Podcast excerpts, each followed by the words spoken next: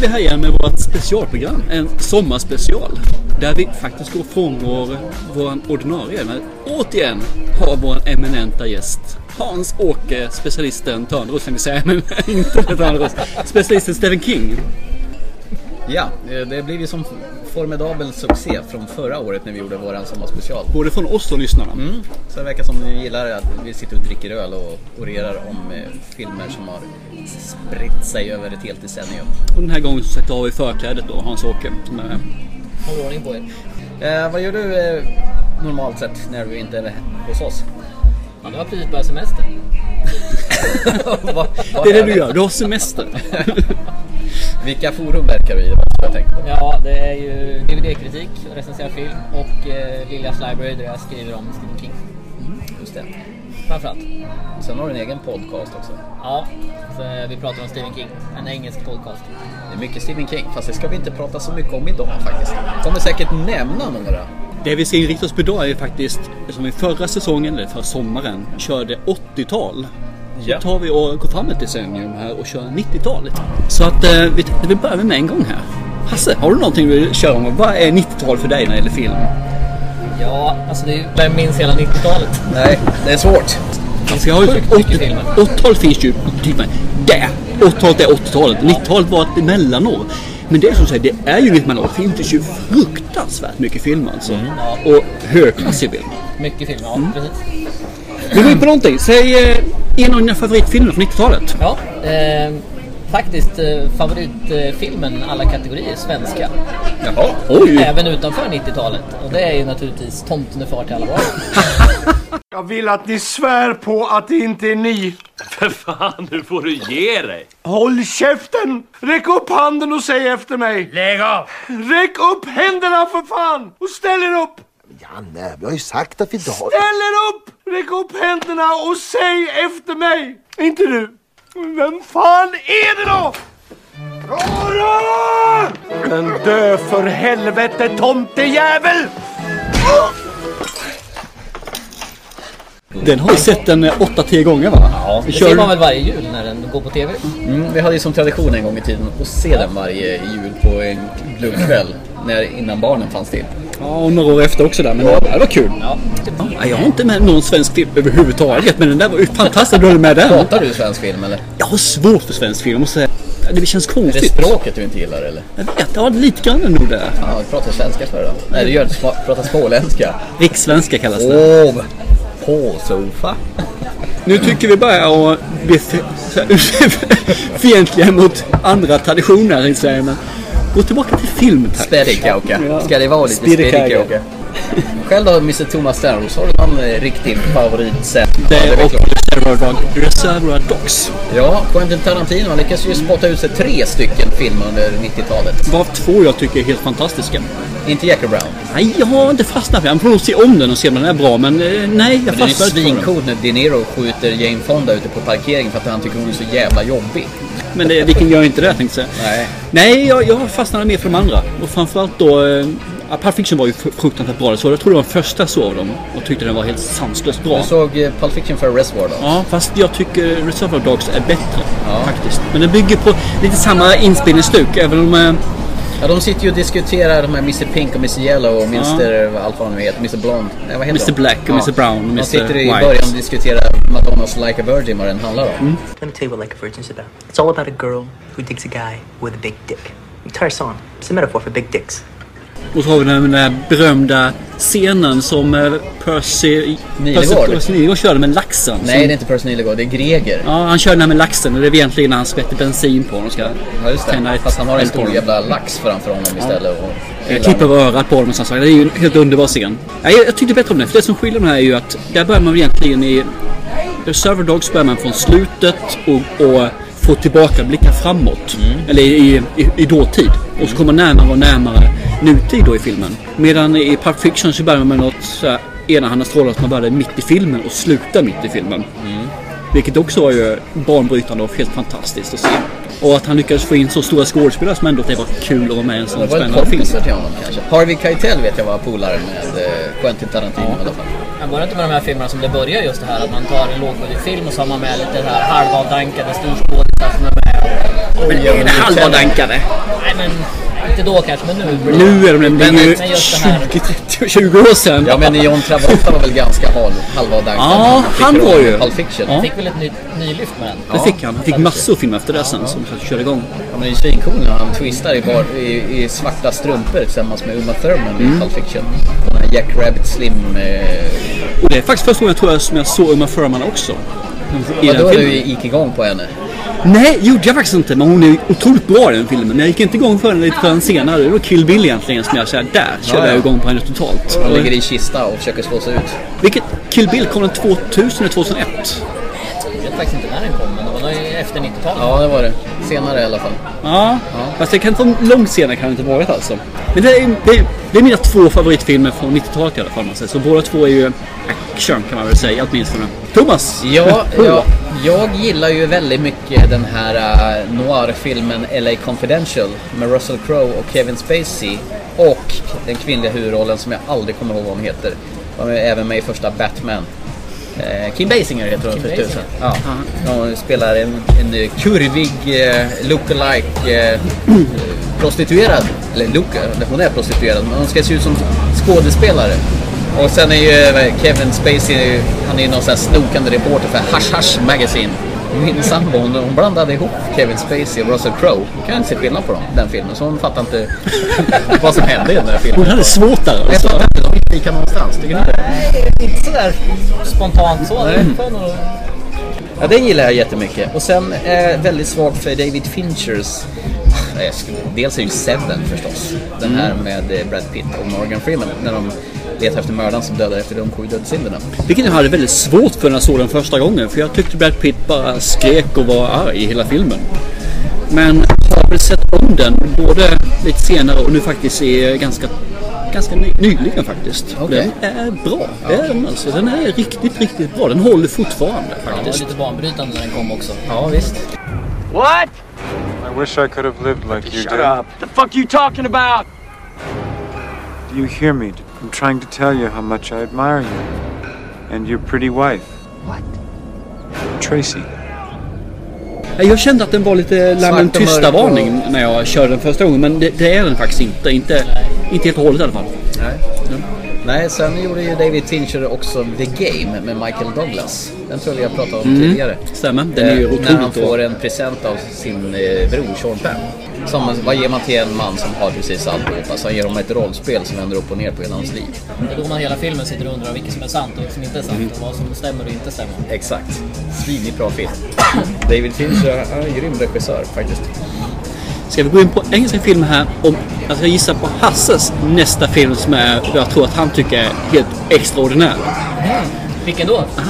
Eh, jag tar på svenska. Ja. Nyckeln till frihet. Shawshank Redemption. Sean Sean Redemption ja. Kan du uttala det efter tio öl? Ja, vi får väl se. Efter en går det bra i alla fall. Den är satte jag som en av dina du kommer ta upp Ja, ganska den, tidigt. har- den har jag med. Den är fruktansvärt bra. Det är ju faktiskt en av de få filmerna som är bättre än förlagan. Tycker jag. Okej. Men är inte det en kort novell? Jo, det är det. Ja. Ligger den fortfarande som en av världens bästa filmer på IMDB? Det tror jag. Ja. Men är de så lika? Novellen och filmen? Det känns som att det- de är... Det finns en röd tråd som håller dem samman om man säger så man kan förstå att det är samma. Men det är så mycket som skiljer dem medan ni tjatar så ska jag gå och handla mer öl. Ja. Eh, Vill ni ha mer? En sån. Ja, jag har så länge. Det- Det känns som att eh, filmen och boken hanterar två olika scenarier. Nej, det tycker jag inte. Du tycker inte det? Ja, För nu, det, det var så jag, sett den här att- Boken är ju som sagt en kortnovell. Jag vet inte om den är mer än 60-70 sidor lång eller sånt där. Och tar väldigt mycket om det här med tankar och vad som händer. Om, om eh, vissa hanterar det på ett annat sätt i filmen. Så är det ju naturligtvis. Att det kanske är för det skilda medier. Ja, det är ljud och bild och det andra är skrivet. ja. Men jag tror nog att det. Alltså de följer ju varandra bra, det gör de. Ja, Det tycker jag. Sen som... Naturligtvis så blir det ju annorlunda från skrivet ord till färdig film. Men, nej, men den tycker jag är riktigt bra faktiskt. Den håller. Det är ju, den vart ju Oscarsnominerad också. Men den fick ju aldrig något. Den vart nominerad till sju Oscars tror jag. Den fick alltså ingenting. För det har jag fått för mig att den hade alltså. Men nej. Tyvärr. Synd får jag säga faktiskt. Ja, den borde ha fått den. Det finns ju faktiskt en sak till här. En film som jag måste ta upp. Jag ska bara ta upp den kort så jag ska göra. För det är en av de få filmer som jag någonsin har sett där eh, efterföljaren fast håller samma klass eller till och med är bättre än den första filmen. Hasta la vista, baby. För annars är tvåan är... Man känner att det är plagiat och man känner att de har försökt att göra någonting från den förra men misslyckats. De, de får inte till det, men här har de verkligen fått till ordentligt. Tvåan är bättre än ettan tycker jag. Ja, men den... Och jag tror Ja, att det håller, men tekniken är ju så otroligt mycket bättre i tvåan. Som gör ju att filmen som sådan, när den kom, den kom ju eh, 91. ja. Gud, Vad heter det? Grund, grundbrytande eller? Grundbrytande. Det låter som Titanic det där. I'm back. Baby. Ja, det visste du när vi pratade om alltså. Var det det? Ja. Yes, uppföljare. Tvåan. Ja, ja. ja. Den är ju stor. Det var väl egentligen 90-talets största film. Ja, för det var ju, ja, i alla fall blockbustermässigt var det väl det. Eh, och det var ju egentligen där man började med digital teknik också. Första gången egentligen ju man körde ban- den. James Cameron var väl banbrytande med sina eh, digitala effekter. Och då CGI slog igenom. Eh, när vi pratade om Lammen tystnar. Ja. Tyckte ni den var så här läskig som eh, de målade upp den att den skulle vara? Inte läskig, men den var fruktansvärt bra. Det var, jag tror det var det årtiondets bästa slut. I do wish we could chat longer, but I'm having an old friend for dinner. Bye. Men jag tror att, för jag, jag graderar mina filmer lite på bra filmer och sådana filmer man bör ta upp under 90-talet. Och där tror jag nog Lammen tystnar är en av de senare. Att det är en sån här film som, alltså när den kom på 90-talet var den ju hur stor som helst. Men idag är den kanske inte sådär jättebra. Men De som ser den idag för första gången tycker varför är den här hemsk? Eller bara en drama? Det kan jag typ, tala om alltså? varför. Det är för att han seriemördaren stoppade in drulen med, mellan benen så han såg ut som en kvinna. Ja, okej, okej. Nej, men den, den, den, den tyckte man ju var bra när den kom. Men idag håller den ju inte. Nej, den gör men inte det var ju en stor Nej. film då. Så det är en film som är, har en historik och värd att nämna för 90-talet. Men 90-talet var inte det lite grann också en guldkorn som kom där som var riktigt lågbudget men ändå eh, höll måttet. Ja, men ta som den här Darkman när den kom. Det är ju en lågbudgetfilm. Ja, ja, ja. Med våran husgud Liam Neeson. Yes. Tycker jag. De lyckas få fram något i en känsla i filmen som jag älskade. Den var rolig, det var lite action. Det fanns en liten parodivarning på sig själv i också. De gjorde spä av sig själva. Men det kanske är lite grann mellan det är väldigt tidigt, de här kommer väldigt tidigt på 90-talet så det kanske rubbat av sig lite grann från 80-talet så det fejdar lite grann jag där. tror det är en liten skvätt över från 80-talet. För då kom ju alla de här Fredagen 13 och alla de här skräckfilmerna. Med humor och lite sådär. Så Man det gjorde en skvätt över innan de var lite mer seriösa. Så det fejdar. Ja, det kan mycket väl stämma. Det är bara att jag har dem som fäst i minnet för att de gjorde ett stort avtryck på mig när jag såg dem. Fast det, det här var inte så väldigt, kanske jag, men jag tittar inte så mycket komedier från det decenniet. Det enda som jag egentligen kom ihåg som störst, det är ju Dum Dummare med Jim Carrey och eh, vad heter den andra? Eh, Jeff Daniels va? Ja. Men det känns lite som att den typen av humor var typisk för 90-talet. Ja, den funkar inte ja, men det är ungefär idag. som att göra en Göta kanal idag. Ja. Det funkar ju inte heller. Men 90-talet var det mycket komedier. För min minne av 90-talet är just action. Mm. Och sen så fanns det lite senare då lite tyngre drama som Schindler's list. Ja. Men annars var det action, action, Ja, action. men däremot så hade ju mycket av actionfilmerna humorinslag. En del. Jag tänker på film som The Rock. Welcome to The Rock. My name is Sean Connery. Fanns det humor i den? Ja, men det är väl lite humor i den. Men är det inte många sådana här one-liners? Ja, ja, det är ju årstiderna med one-liners. Det är inte det Ja, kul? kan vara det. Ja. Men jag vet inte om det är så, så mycket one-liners i The Rock heller. Welcome to the Rock.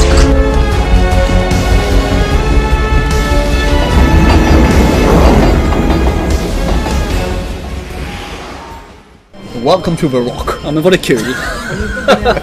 My name is Sean Connery. Antagligen var det, hör jag nu här ju. När man säger Welcome to Rock och Hasse plinar garven, käken av sig här. Ja, men så säger han när han sliter upp dörren efter att han har rullat genom eldarna. Och klivit in. Ut genom... Han har kommit ut. När, man, när han flydde. Han rullade inte genom några jävla eldar. Jag har memorerat eldarna. Backwards. Alltså, det känns lite som att det var mycket överdrivna filmer då också. Ja. Alltså, som Schwarzenegger kliver ut med en maskin, ett maskingevär i varje arm och Ja, sprayar rent och ingen annan träffar honom. Hon har lindat patronbältena runt handlederna. Som borde ha dragit åt hans Ja. armar åt helskotta. Ja. Ja. Alltså, det var mycket, mycket effekter men lite trovärdighet i filmerna ja. Armageddon är väl en annan sån film. Ja. Det fanns faktiskt en som jag, film som jag kommer ihåg som är, jag vet inte om det är egentligen en komedi, men det är kanske en dramakomedi.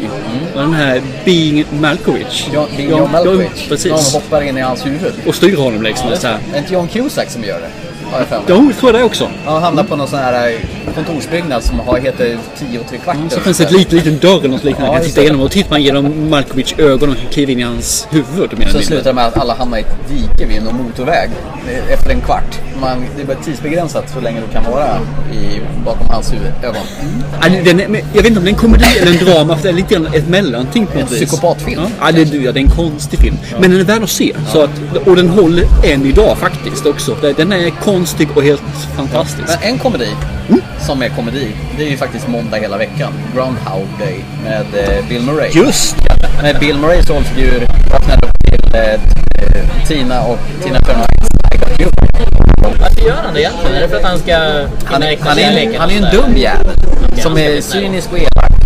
Och sen, eh, ja, han gjorde det tillsammans med hon som ju bara gör schamporeklam numera. Fyra bröllop och en begravning till. När kom den? Fyra bröllop Nej, förresten? men vad Den kom heter under 90-talet. Den gjordes, så det fanns en den? Andy- McDowell, ja. Jag tror det. Det var första som jag kände till i alla fall. Det var Harold, Harold Ramis som gjorde det. Han är död nu förresten. Han eh, som är medlem i eh, Ghostbusters. Han som spelar Engman. Han har ju gått och dött. Det var han som regisserade. Var det därför de inte skrev någon uppföljare på den? Det kommer komma en film där ingen av dem är med. Varför måste det vara originalskådespelarna? Det är bara löjligt. kan göra en eh, datanimerad. Ja, ja, precis. Men en annan sån här film, det är ju Truman Show också kommer. Ja just det, med Ja, eh, just- Jim Carrey. Ja, 98. Tyckte ni om den? Ja, jag, ty- jag såg den faktiskt på TV här för inte så länge sedan. Jag tyckte den var rätt okej. Det är den eh, alla vet om att. Alla är skådespelare så de bara spelar ju upp ett scenario från dem hela tiden. Just det. Från att han föddes till, ja man kan vara Tills han- 20, 30 Ja, någonstans. 30 år snurrat med va? Ja. Tills han inser att han är blås och kliver ut genom bubblan. Ja. Jag, jag köper inte den filmen tyvärr. Jag kunde aldrig med den. Det är samma som efterföljaren som kommer kan man säga Ed TV som kom sen ju. Ja just det, med eh, Dr. Matthew... Här. Har du sett True Detective än förresten? Nej. Svinbra serie, se den. Ända till sista avsnittet. Me- jo, vi har ju en till ju. En, eh, en lite roligare film. Eh, The Big Lebowski. Ja, ja. Just det. Med eh, Jeff Bridges. Och eh, hans, inte John Cann utan John Goodman. John Goodman ja. Man blandar alltid upp John Goodman, är det för att de är tjocka bara? Ja, kanske är det. Johnny båda två. Vilka genrer var det då? Nu har vi tagit action. Vi har tagit, finns några komedier. Finns det någonting mer som Drama. skulle... Det finns drama. Ja, drama finns det massor. Ja, Oliver Stone gjorde JFK 1991. Ja, just han eh, det. på tre timmar visualiserar hur det egentligen gick till när Harvey Oswald dödade JFK. The Warren Commission thought they had an open and shut case. Three bullets, one assassin. But two unpredictable things happened that day that made it virtually impossible. One, the 8 millimeter home movie taken by Abraham Zapruder while standing near the grassy knoll. Tror fortfarande att det är Lee Harvey Oswald. Ja. Slutade inte det med att han hade en lösning där i en mapp som han sen kom bort på något vis i mängden? Är den slutar faktiskt. Nej, det är Kevin Costner är i alla fall huvudrollen i den som Ja. försöker rota på sanningen där. Jag kommer ihåg den serien just som är filmad av en autentisk kamera när det hände. Och man ser liksom hur en bit av huvudet flyger loss. Och det, det finns ju ingen specialeffekt i världen som kan efterlikna det som verkligen har hänt. Och jag mådde illa Men då efter är jag det ganska dåliga bilder oftast. Ja, det- ja, det är ju- inga skarpa bilder man ser. Nej, det är ju för sån här... Och det är ju det är ju intressant där också för vad är oddsen för att någon filmar just när det här händer? Men så många statsmän som har blivit mördade liksom. Som inte filmade. Har du någon mer drama i tanken? Ja, eh, Schindler's list. Ja just det, med Liam Neeson, Ja. husguden. Igen? Ja, och den är svartvit. Det var på den tiden han gjorde bra film. Eller det- ja. Kvalitetsfilm. Nej men alltså Liam Neeson gjorde Alltså, det är ju kvalitetsfilm. mer filmen som är bra än hans. Ja. Alltså, Jag tycker han gör det bra där jo, faktiskt. det gör han. Alltså, han gör det ju bra. Men jag tror att man skulle kunna plocka in någon annan och få det lika bra. är Jo, men det finns ju som är kan ersätta de som kör det va, och gör det. Kan, just den här kanske är en twist bättre på en vinkling för att du vill att han ska vara på det här viset. Men jag tycker ändå att han gör det ja, med beröm. Att Nyckeln till frihet är väl också en eh, drama egentligen. Ja, det är ju. Och Gröna milen. Just det, när Tom Hanks pissar rakblad. Eh, drama, sa vi. Apollo 13. Ja, just det. Med. Bill, Bill Paxton. Återigen Tom Hanks. Tom Hanks. Ja, han är en av de, en av de tre som jag känner till som har gjort fem filmer i rad som har genererat mer än 100 dollar. 100 miljoner dollar. Ja, han gjorde, men han gjorde väl den här, äh, vad heter den här Captain Phillips eller vad det var? Det var Mm. första filmen som inte hade återbetalat sig. Tror jag som han hade gjort den här. Vilket är en helt underbar film. Ja, det är ju en svinbra film. Ja, men jag tror det var den som gick så här dåligt. Så det var väl den första floppen eller vad de snackade om. Jag fattar inte, för den är ju skitspännande. Ja. Ja, det är synd. Mm. Eh, Jag måste erkänna det. Under 90-talet så såg inte jag alls mycket dramafilmer. Så det var inte något som jag kände att jag var intresserad av. Nej. Varken drama eller romantiska komedier. De som stoppar in drama och sån här uh, Let Bizarre, det var ju faktiskt filmen som uh, Quentin Tarantino skrev manus till. Fast det var det Tony Scott som regisserade. Eh, True Romance med Christian Slater och eh, Patricia Arquette. Det är nästan sån här med Natural Born Killers. Mm. Och sen tar ju snäppet värre. Ja, det är lite grymmare. Ja, faktiskt. Med Juliette Lewis och, eh, vad heter han i Skål? Ja, eh, Och nu i... Woody Harrelson. Woody Harrelson, True Detective. Precis. Christian Slater då? Har han halkat av banan totalt eller? jag vet inte om han gjorde någon TV eller något sist kanske. Ja. Dålig koll på honom faktiskt. Ja. Han gjorde någon tv-serie som Han är de... rätt bra. Ja, han gjorde en tv-serie som de la ner. Ja, den här... äh, My own worst ja, enemy. Det var ju synd. Den, den tyckte jag var bra. Jag gillar Ja. den faktiskt. Jo, riktigt nice. Om vi ska smaska in på storfilmerna. Ni har ju nämnt Terminator 2. Mm. Ja. En film som är helt omöjlig att missa på 90-talet är Jurassic Park. Alan, this species of Veriformin's been extinct since the Cretaceous period. I mean, this thing is a this thing. Why?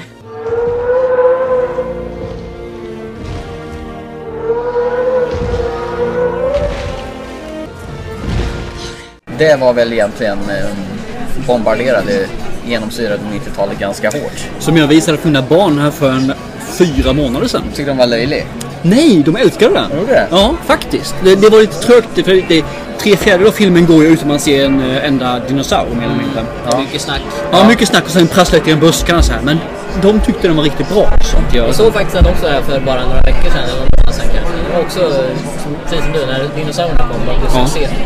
Okej. Saken är ju den att de har ju sett så mycket dinosauriefilm innan så att även om det här faktiskt är ganska bra animerat och allting så har de ju sett det förut och strået vassare. Ja, ja. Men är det inte så att Steven Spielberg återigen återvänder till det här att du ska inte se dem först en bit in i filmen, som i Hajen. Mm. I Hajen var det ju på grund av att den var ju trasig. Ja, den var inte färdig. Ja. Men Där det är ju- den här fantastiska scenen dyker där hon som simmar helt plötsligt blir förd fram och tillbaka i vattnet. Ja. Som då är klassiskt och det var ju just för att den är kom till fast. Den var inte färdig som du sa. Nej, den funkar inte att flyta. Och... Jag tror de hade fyra hajar och sådana saker. Det var sönder hela tiden i stort sett. Så de fick hela tiden växla. Ja. ja, ursäkta avvikelse. Ja, det är lugnt. Men det är ju effektivt att göra så och inte visa. Ja, men visst är det För det. yngre så är det ju inte riktigt lika spännande för de vill ju ha full effekt från början. Men Smask, är det ett ja. effektivt. Så är det. Nästa år kommer ju film nummer fyra ut, Jurassic World, faktiskt. Och det är han som har gjort den här filmen Monsters, kommer du ihåg den? Som ska regissera. Du vet de här... Ja, jag kommer ihåg filmen. Som inte var någon riktig monsterfilm i bemärkelse. utan var ju det drama var ju bara en parentes egentligen. Det kom förresten en tvåa på den. Ja. Fast de är ute i öknen här Jag tror det blir svårt att få samma hype för Jurassic Park nu. Det är liksom, jag tror det är det är lite över. Nyskapande, man hade inte sett det här förut. Man tog tillbaka som ett dinosaurierna som inte har funnits på jättelänge. Fast Liksom. Och- det de har gjort nu som de inte gjorde då på det samma sätt. Det är att de hypar filmen på ett annat sätt. De hypar den via media den här gången istället. Det finns alltså sidor och det finns eh, ja, hur mycket som helst som de försöker att få upp det genom att göra nyfikenheten. Det kommer aldrig bli en samma stor film tror jag. Nej, det tror inte jag heller. När den kom var det ju en enorm film. Nej. alla såg den, alla visste vad det var, allting liksom. Hade vi några andra storfilmer under den tidpunkten då? Jag vet- Armageddon var väl en storfilm? Nej, Var det inte det? det tycker jag inte. vi får ju... Ja, Star Wars Episod 1 kom ju 1999. Det är inte heller någon stor film. Är, det är väl snarare 90-talets största flopp skulle jag vilja säga. Ja, men det var väl, alla gick ju och såg den. På grund av att eh, den var så efterlängtad. Det var väl den mest efterlängtade... Man växte ju upp med 4, 5 och 6. Så man ville ju bara se de här. Och jag blev så besviken när jag såg den så att... Eh, Men det var väl därför den var, vart en så stor flopp också. Alla gick och såg den, så alla vart besvikna. ja. Jag vet inte, Hade det varit en medioker film så hade några gått och sett den och så hade det spridit sig att den var inte så himla bra och så hade man skitit i den på DVD och så hade det blivit ganska okej så här. Nu gick alla och såg den på bio och så vart det en flopp som ingen ville... Jag den där förbannade Jar Jar Binks som borde avrättas på plats. Här... Söker du på Jojo Bing på eh, Google så kommer du få hur många hatarsidor som helst alltså. Framförallt från fansen som tyckte att varför ska han vara med? Han tillförde ingenting, han bara förstörde och sänkte. Men om man går från flopp till flipp så var en film som inte floppade som var en riktigt bra blandning av eh, martial arts, eh, sci-fi och, och coola designade kläder så var det Matrix som kom 99, samma år som Star Wars. Den flippade vi ganska hårt. Ja, den körde något helt nytt tycker jag. Det, det, gjorde, det var ju sci-fi-världens omvälvning. Han är skitdålig. Ja, är han. Kan ingenting tycker jag. Han kan inte skådespela överhuvudtaget. Men... Speed är väl rätt okej med honom och Sandra Nej. Den med bussen. Ja, men det är ju inte han som gör någonting där som är bra. Alltså han har ju haft turen att hamnat i Rätt sammanhang. filmer. Som Matrix är ju en bra film. Ja. Men han är ju inte bra. Han skulle lätt kunna med fördel Faktiskt. Ja, hur lätt som Men i och helst. med att han hamnar i en sån film och filmen får bra kritik så hamnar ju han också lite... Men, men, Ja. Med, Lundgren. ja, precis. Han var Priest. Ja, just det. Den är också riktigt bra, men återigen, det är ju inte han som gör den. Dolph Lundgren som är bra i den menar du? Ah, jag vet inte vem i filmen är Vem superbra. är, vem är bäst? Dolph Lundgren eller Keanu Reeves? Dolph Lundgren är Ja, bäst. Dolph Lundgren är bästa. Och det säger ju... Och du tycker Christopher Lambert är dålig? Oj, oj, oj. Hur ska man tolka detta? Men eh, för att hamna i så här verklighetsflyktsfilmer då. Eh, Fight Club. Har ni någon relation till den med Brad Pitt? älskar den filmen. Det var, det var den filmen Och som... Edward Norton va? Det var den filmen som jag kände att här börjar jag tycka om Brad Pitt. Innan så Eller, jag tyckte eller han var det Edward Norton du tyckte om? Nej, det var Brad Pitt. Det var ju lite tvetydigt Ja. vem du tyckte om i den. Han gillar Ikea i alla fall i den filmen. Jag tyckte om Edward Norton också, men han har jag tyckt om jämt i stort sett. Men Brad Pitt har alltid varit den här eh, romantiska tjejfiguren i stort sett som har varit den här Möt snygga. Black. Ja, men lite grann det där. Han spelar döden. Men här är han helt plötsligt en figur som han är råare, han är lite mer substans i honom. Han gör två som det står Club på. Den filmen tycker jag, återigen jag kommer in på det här med slut. Jag älskar ju slutet på den här filmen just, inte slutslutet utan slut, slut, slutet. När de har eftertexterna, helt plötsligt flimrar bilden till. Och då var jag tvungen att se vad fan hände där för något. För han nämner ju en, en sekvens i filmen att det som är kul det är om man sitter i biograf och så har man bytt ut en viss sekvens. Och så i den sekvensen har man byggt in några bilder där det är en stor neger med en stor, jättestor drule. En balle? Yes. Dase? Och när det flimrar till i eftertexterna där så undrar jag vad det var för något. Så jag stirrar tillbaka bild för bild. Och det, just är det. Det är ju en stor neger med en drule där som är mastodont sådär alltså. Så det kommer tillbaka i filmen igen så det gör. Och jag bara yes, I love it. Vet du vad jag kommer att tänka på då? Boogie Nights. Apropå stor drule. Okej. När Mark Wahlberg spelar Dick Durgler. Men för att gå tillbaka. Fight Club, se den. Den- håller än idag. Det På grund av drulen då eller? Nej, på grund av att det finns inga specialeffekter i den. Det finns Nej. inte en specialeffekt i den egentligen alltså. Men de skådespelar ju något fruktansvärt bra. Och framförallt handlingen är ju super. Men jag vill gå tillbaka där. Det här, nu, jag sa ju det här. Det finns ju bra slut. Det har ju Lamman Tystnad har ett bra slut. Fight Club har ett helt superbt slut. Men det finns en film till som jag älskar slutet på från 90-talet. Och det är Felma och Louise. Okay, then listen. Let's not get caught. What are you talking about? Let's keep going. What do you mean? Go.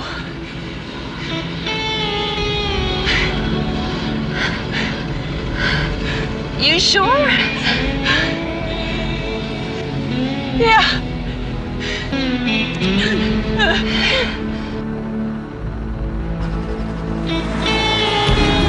Hey!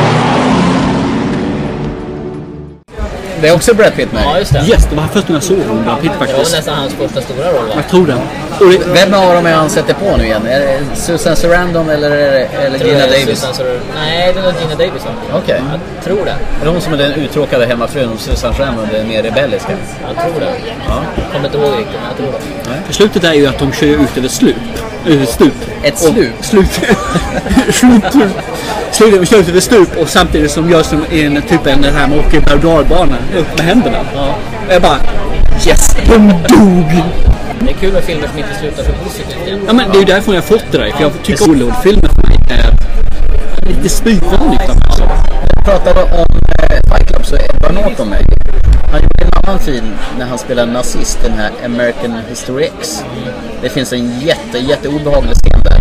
Han någon lägger någon svart kille mot en gatsten och Sparkar nacken och fotar till han i nacken så hans käke knäcks. Den var riktig...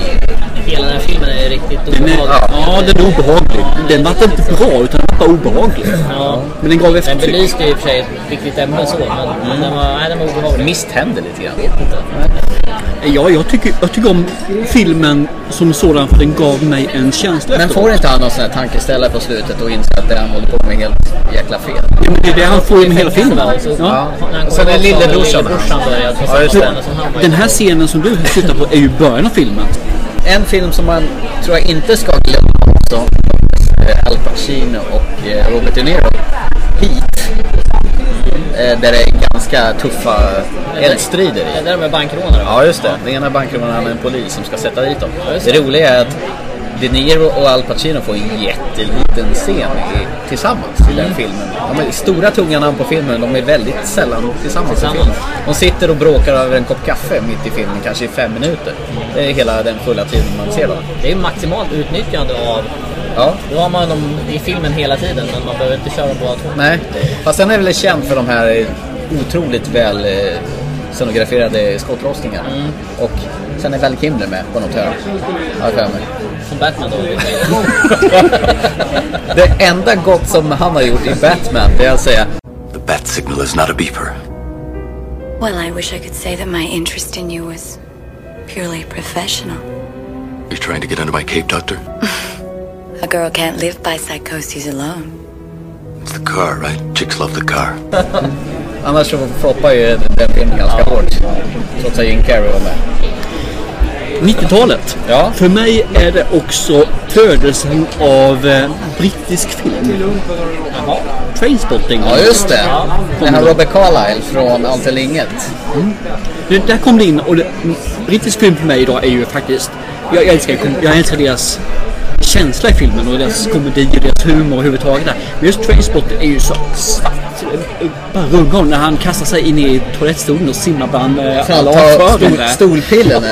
Ja, Men du- han, det är helt underbart. Jag, jag bara, man kan inte komma fram. Så har du den här andra, vad heter den, Full Mount i de här filmerna som kommer efteråt. Och, Ja, just det. Men du det är samma filmen. känsla. Det är ju en rätt så skön scen i Trainspotting när en av killarna sover över hos en tjej. Och sen har han skitit på sig. Så hela hans sänglakan är ju neddyngat med skit. Så han liksom försöker knyckla ihop det där jävla högen och ta med den och smussla ut den. Och, och, och så säger han, ah, det händer lite olika. Men det är lugnt, ingen fara. Vi tar hand om det. Nej, nej, ge mig det där. Jag tar hem och tvättar det här. Och sen står han mo- morsan och drar i den. Och sen till slut så, alla sitter och käkar frukost där.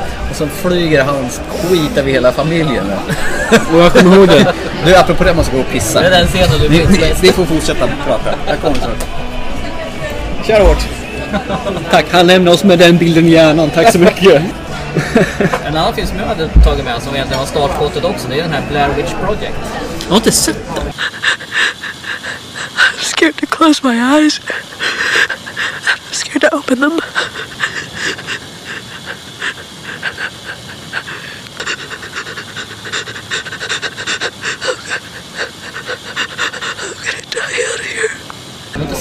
Nej, för alla har sett den och alla har hypat den. Så att jag sa att jag ska inte se den filmen. Så att jag lämnar ordet till dig. Ja, jag vet inte om alltså. jag tycker den är så bra så egentligen, men den, den var ju, drog igång det här med handhållen kamera. Ja, handicap, Det går ju ut på att de hittar ju de här filmerna som de här ungdomarna som har försvunnit har filmat och så får man ju via dem då se vad som har hänt dem. Och eh, sen var det ju många filmer som fortsatte med det där just handhållet och de hittade gamla gick filmrullar. Och det var, lite inflation ja, i det den. gick ju alldeles för långt, absolut. Det var till och med, Romero gjorde ju en sån här Diary of the Dead. Men då körde han ju med Just någon det. som handfilmade hela tiden. Så det gick ju för långt. Men det var ju ändå den, det var ju den filmen som började hela den trenden. Jag är ju allergisk mot handhållna kameror. Jag mår illa, jag blir yr, jag klarar inte av det. det liksom, bilden bara studsar. Och jag får liksom inget sammanhang. Vad händer? Vad vill de förmedla? Jag kan tänka mig att man får det här studsiga, man får det här under vissa delar för att du ska få det hetsiga. Men under en flykt till exempel, fine jag köper det. Men när de går, nej jag klarar inte av det. Och därför är jag evigt glad att jag sett Blair Witch Project. Ja, för det kommer en tvåa med va? Ja, kanske till och med en trea också. Trea också? Tvåa kom det i alla fall. Mm. Ja, trea vet jag inte, men det kan ha varit så. Så jag har inte sett varken ettan eller tvåan. Största problemet med de där handhållna filmerna var väl just det här att få det logiskt. Varför filmar de? Ja, precis. Alltså, ja, men det många gånger så filmar de och då var det ju logiskt. Men sen i många filmer så, så liksom när folk håller på att dö runt omkring dem så filmar de istället för att hjälpa dem där. Det blir liksom lite ologiskt. Filmen har de löst det genom att de har blandat handicam Ja. och man kör vanligt. Eller att de har någon kamera som sitter fast på dem, som inte... Yes. Det är just det här att när de håller i en kamera istället för att släppa den och springa och hjälpa någon. Som är det logiska. Det är ju då det Eh, fallerar. The Host är väl en sån film till Ja. exempel. Där de vägrar släppa kameran. Ja. The Postman? Nej, Kevin Costner? Nej, inte det. Blair Witch Project pratar vi om. Ja, ja. Var den från 90-talet? Ja, 99. Men jädrar, den måste ha dragit in en sju helvetes massa pengar mot vad den kostade att spela ja, in. ja, ja, det var ju jättelåg budget. Men det vi sa att den drog igång hela det här med handhållda kameror. Usch ja, det har inte gått inflation i den typen av filmer. Det är här som händer när man går och pissar mitt i ett samtal som man går en upprepning. Ja, men jag hittar inga stolpiller på toaletten. Apropå trainspotting. Alls. Men jag vet inte, många som såg den tyckte den var jättehemsk. Och sen så var det några som jag vet såg den och tyckte den var bara löjlig. Var det mest koppar och pinnar? Jag har inte sett den. Ja, men det, alltså precis inne i det. Man upplevde ju samma sak som karaktärerna upplevde. Man såg ju liksom via deras synvinkel. Var det att man kom närmare handlingen jo, på man, ett vis? Ja, eller? precis. Och när man smög upp någon bakom då såg man inte det. Utan då vart man liksom, när huvudpersonen vart medveten om det så vart man medveten om det. Det tycker jag var i sig bra. Sånt där tycker jag man ska göra mer faktiskt. Just att man inte blir medveten om saker förrän det, just att det sker. Att man inte ser det. Alltså, det händer ju just ingenting förrän i slutet av den filmen. Egentligen. Jag kommer inte ihåg detaljerna i den men... Man gjorde en tvåa på den, men det var inte en sån där eh, skakig handcam, utan det var en vanlig slasher. Vart det en trea också eller? Det funderar Nej, nej, nej. Ja. Och ett, och, och ett dataspel blev det. Eh, krig, krigsfilm då? Kom det några krigsfilm under 90-talet som är värt att nämna? Apropå Tom Hanks kanske? Saving Private Ryan. Ja. Eh, när, när de ska iväg och rädda Matt Damon! Jag kan, jag kan inte säga Matt Damon utan att tänka på... Vad är det mot honom egentligen? Matt Damon. Han, han, är- han är ju ingen skådespelare. Han är ju bara en aktör. Det är han och Ben Affleck som är kompisar och gjorde Good Will Hunting. Det är väl det. Är det inte den filmen där det dör mest människor under kortast tid? Under, när man gör det, invasionen? för, det är ju för att återge eh, dagen det. Men är det något som har hänt på riktigt att de gav sig ut och skulle hämta någon sådär? Eller är det bara påhittat? Det är ju så dumt i så Det är bara fall. Jag har för mig påhittat att det skulle vara baserat på något, men det kanske, Nej. jag kanske blandar ihop det Ja, men var, varför ska de just hämta en enskild person? Jag fattar Som inte. är, som är menig. Ja, det är så dumt. Anledningen till att de gör det i filmen är för att hon har tre söner och alla tre söner har dött i krig. Och hon ska inte lida av en tredje son, sonen. Vänta nu, dö. om tre har dött i krig, du ska kunna Ah, hämta en två då, tredje. förlåt. Jag kan inte räkna. Det är lite sån där tredje gången Ja. gillt i USA. Du åker i fängelse oavsett vad du gjort. Precis, och i det här fallet ska hon inte få förlora den tredje sonen utan en av. Och det är ju så löjligt, Är det det, är så banalt. är det så här politisk propaganda? Ja, typ. Patriotiskt amerikanskt då förstås. Och Tom Hanks är någon skollärare egentligen. Och sen får han bli befäl. Jag kommer inte ihåg den filmen för jag tyckte den var helt kass. Kom den, apropå krigsfilm, den här Band of Brothers, kom den på 90-talet? Jag kommer inte ihåg när de gjorde det. Det var väl- TV-serien det va? Ja, det var väl en sån där äh, efterföljare av den filmen. Den kom väl till på grund av Shaving. Private Ryan. Men det är rätt många säsonger va? Nej, en säsong. Eh, nej, sen var det Nej men Pacific. då kom inte den på 90-talet. Kan Nej, det inte- kanske Den kom var senare. 2000 Ja, det var talet senare. Det var jag som drog iväg lite. Ja. Men det kom ju någon uh, Ocean, något sådär. Ja, den kom ju senare. Pacific. Inte var en, en skugga av uh, Band of Brothers. Nej, Som nej. var helt suverän. Ja, den var så den bra. serien ska ni se också. Eh, vi nämnde Armageddon förut. Nej, du gjorde det. Ja, jag nämnde Armageddon. Will Smith fick ju en sån riktigt spark i karriären med också en sci-fi-rulle som heter Independence Day. Rymmer den någon klocka? Den tyckte jag var bra. Den tycker jag var dålig. Den tycker jag också var dålig. Det var ett, det var ett riktigt tv-spel. Det såg ut som ett tv-spel. Ja, men jag har svårt för sådär när, när eh, amerikanska presidenter ställer sig upp och Bill Pullman. nu ska vi köra och så sätter han sig i ett raketplan och drar iväg liksom. Ja, just det. Det, Och så håller sån här patriotiskt tal till sån här... ja, Jo, men, du- när, när, Glöm bort de här sakerna. Glöm Men bort filmen bara logiken. sånt. Ja, men Den filmen börjar när, när rymdskeppet kraschar. Will Smith knackar på luckan så han luktar så. Så spöar han på höger. när filmen börjar. Eller när han... När Det de, där är ju slutet av filmen. Det får Nej, när de, första gången de stöter på rymdvarelser kommer upp så. E.T. phone home. Nu får du spö. Nej, det, det är en flopp. Ja, jag håller med. Det är en flopp. Du har fel. Alltså den kom på 90-talet, så mycket rätt hade de. Ja, det har du Jag faktiskt. håller inte med där faktiskt, för det var en rolig film. Ja, någon film som var rolig. Det var väl femte elementet. Där har du återigen filmen. Den är ju totalt löjlig. Nej men vänta, vänta, vänta lite. Om du köper filmen som den är Ja, så är den, Lilo. är, den- är den bra. Men köper du, tittar på den och du har den här grisarna som kommer där och nuffar och kör. Jag menar, är det några grisar som nuffar ju? Ja! Är det det? Ja visst är det det. De här eh, elakingarna är ju grisar Nej, men det alltså. har ju han, kommissarie Go- Commissioner Gordon är med i den. Eh, vad är han heter? I Leon också, mördaren. Han ser, och i, vad är han mer med? Han är med överallt. Ja. Dracula. Det Gary Oldman. Sen har du ju hon eh, eh, Resident Evil-bröttan, Mila Jovovich. Som är Lilo, femte elementet. Rödhårig. Men frågan är om det känns som att på 90-talet så accepterar man mer. För jag tyckte nog att den här, vad heter den nu, den här Independence Day. Ja. Den var nog rätt bra när den kom då tycker jag nog. Fast idag tycker jag inte det. Har du- Idag har du omvärderat den? Nej, Ja, men frågan är om man på den tiden lättare köpte sådana filmer eller om det beror på att man har blivit äldre. Men alltså vänta lite grann. När du såg filmen Independence Day första gången, 90-talet, den kom ut på bio. Vad tyckte du då? Ja, men då tyckte jag den var 97. okej. Då Ja, tyckte men- jag den var okej. Fine, då är du på min sida Men ju. när jag såg den några år senare, då Ja tyckte men det inte går ju inte att jämföra. Det, är en, det första är specialeffekter. För det andra är det som du säger. Det har gått 20 år, kom igen. Jo fast ändå det här just det här patriotiska, det är nog det jag vänder mig mest Ja men det är som du tjatade om Batman, tyckte den sög. Och sen såg du den 20 år senare. Jokern suger fortfarande. Ja men du tycker filmen var okej? Jokern suger fortfarande. Apropå Gary Oldman. Så, Jokern suger. Apropå Gary Oldman. Så är Jokern kass. Ja han är i sig med i en Batman-film, Gary Oldman. Gary Oldman. Tillsammans med Jokern. Eh, Dark Knight. Eh, det var inte det jag skulle komma till. Utan det var faktiskt... Fan, jag glömde bort vad jag skulle prata om bara för det. Jättebra. Nej, det var ju Natalie Portmans debutfilm tillsammans med John Reno, Leon. Som återigen Luc Besson har regisserat. Den är rätt härlig. Gary Oldman är ju med där. Han är ju psykopat som dödar eh, hela Natalie Portmans familj till klassisk musik. What's happening out there? All right, man, go in, DEA, police. Why don't you leave that poor family alone? Stuff, right? Everything's all right. Just calm down. I ain't calm. I'm calm. Why don't you leave them alone? He said, go back inside. Sen är ju eh, John Renos rollfigur Leon en, eh, en, en lönnmördare va? Är han inte det? Som hon, som hon söker hjälp hos. Och den, är, den filmen är riktigt fin tycker jag. Ja, den är bra. Ja. Vi har ju faktiskt två filmer som jag måste nämna som är båda från 92. Ja. Som var bra när de kom men som idag är skitdåliga. Okej. Eh, den ena är Wayne's World. Party time, excellent. Det var väl en, en så här utbrytning från MTV? Ja, för den här, Mike vad heter Myers de? och. Gar, vad heter han? Han som spelar Gar. Welcome to the... Vad, vad heter säger de för någonting på den här? För det är ju en massa sketcher som kommer där. Ja, de kör väl något tv-program eller? Ja.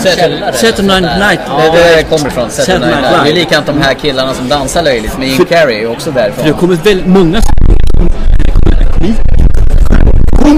kommit från dem. Det genereras väldigt mycket därifrån Steve Martin, Dan Aykroyd, eh, Bill Murray. Alla är från Saturday Night Live. Fast en tidigare generation. Ja, så, och det, jag vet inte om det finns fortfarande.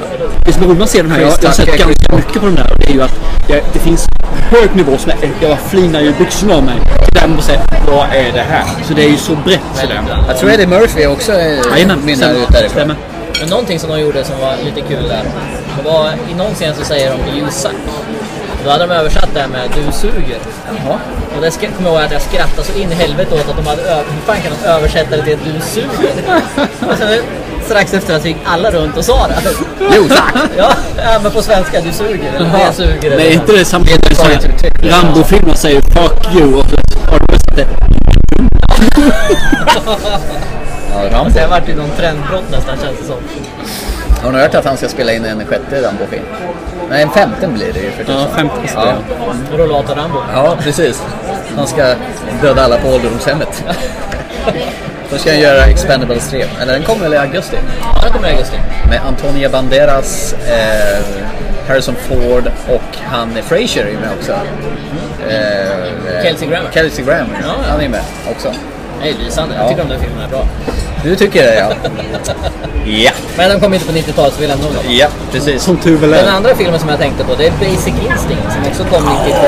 Ja! Den såg den i äh, lumpen. Ja, Och fy det- fasen vad du att jag... den är dålig då? Ja, jag tycker nog inte att den håller idag. Men det är den eh, hon bjussar på sitt kön ganska friskt. Jag kom, Räcker det fru? men jag, jag, ja, men jag kommer ihåg när vi gjorde lumpen och man kör den här scenen om och om igen. Fram och tillbaka. Eh, Jag vet inte, Sharon skulle den Stone. hålla? Fast jag tror att alltså, den scenen är nog inte så grafisk som alla säger. Utan, alltså, det är någon sån här urban legend. Hon visar mer än vad hon gör. Du menar att det är, det är någon beklädnad som är målad eller någonting? Nej, men alltså hon korsar väl egentligen bara sina ben. Ja, det visar väl inte så jävla Jo, mycket. alltså egentligen. man ser det i en halv sekund. Tro mig, jag har gjort lumpen. Ja, men i en halv sekund. Men frågar du någon så... Ja, nej. Vi kan lämna det. Frå- Frågan är eh, om, om jag skulle se, om jag skulle se den filmen Basic Instinct idag för första gången. Skulle du då tycka att den var bra? Nej, det tror jag inte. Det tror jag att du skulle göra faktiskt. Michael den, är ganska, är bra. den är ganska underfundig. Ja, det är den. Ja, jo i och för sig. Men Men jag kan inte se den idag och tycka att den är fortfarande lika bra som den var förr. För jag, jag såg den väldigt mycket för det var sex scener. Det ska, inte- jag ska inte mer erkänna det. 18 år, har inte sett en kvinna på tre veckor. Men allting. Vänta, Men har du sett den mattanten nyligen, som var eller? 64 tyckte den var bra då. Ja. Pratar du om nu eller? Nej, jag var 18 år. Jaha, okej. Det är jätte, jättelänge sedan. Vad är skillnaden? 92 år, för den kom då. Men det var ju Paul Verhoeven som gjorde den. Som ju, dels gjorde Basic Instinct, Robocop och Starship Troopers. Hans eh, signum är väl mycket våld och mycket naket. Ja, Ja, kanske. ja jag, Nej, jag, jag vet inte. Om det är någon som ser på den här idag, eller ser på den, lyssnar på podden idag, som inte har sett Basic Instinct, gör gärna det och låt oss veta vad ni tycker om den. För det vore jätteintressant. För att Man kan inte se den flera gånger för den är väldigt... Det är en sån här som man ser fram emot slutet så väldigt mycket. Och när man vet slutet så kan man inte se fram emot filmen. Nej. Om det är så jag menar.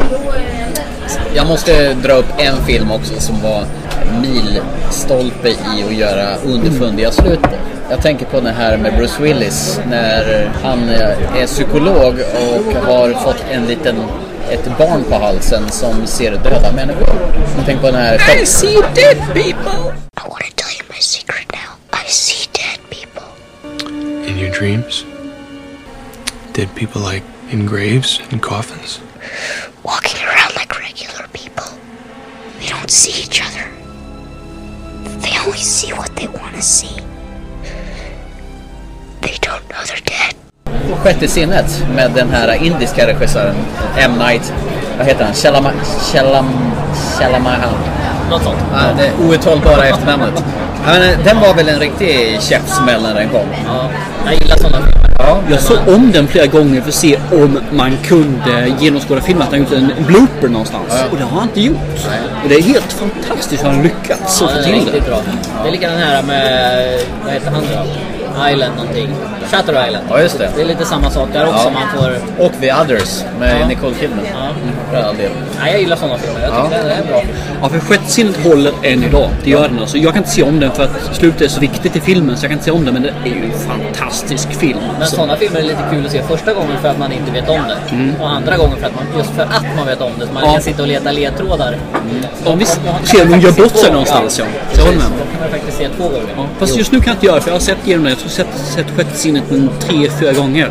Så många gånger? Ja, jag tyckte om den filmen. Den är riktigt, riktigt bra. Så jag kan rekommendera till alla som har lyckats missa den den. Alltså, det, är, det är en helt fantastisk film.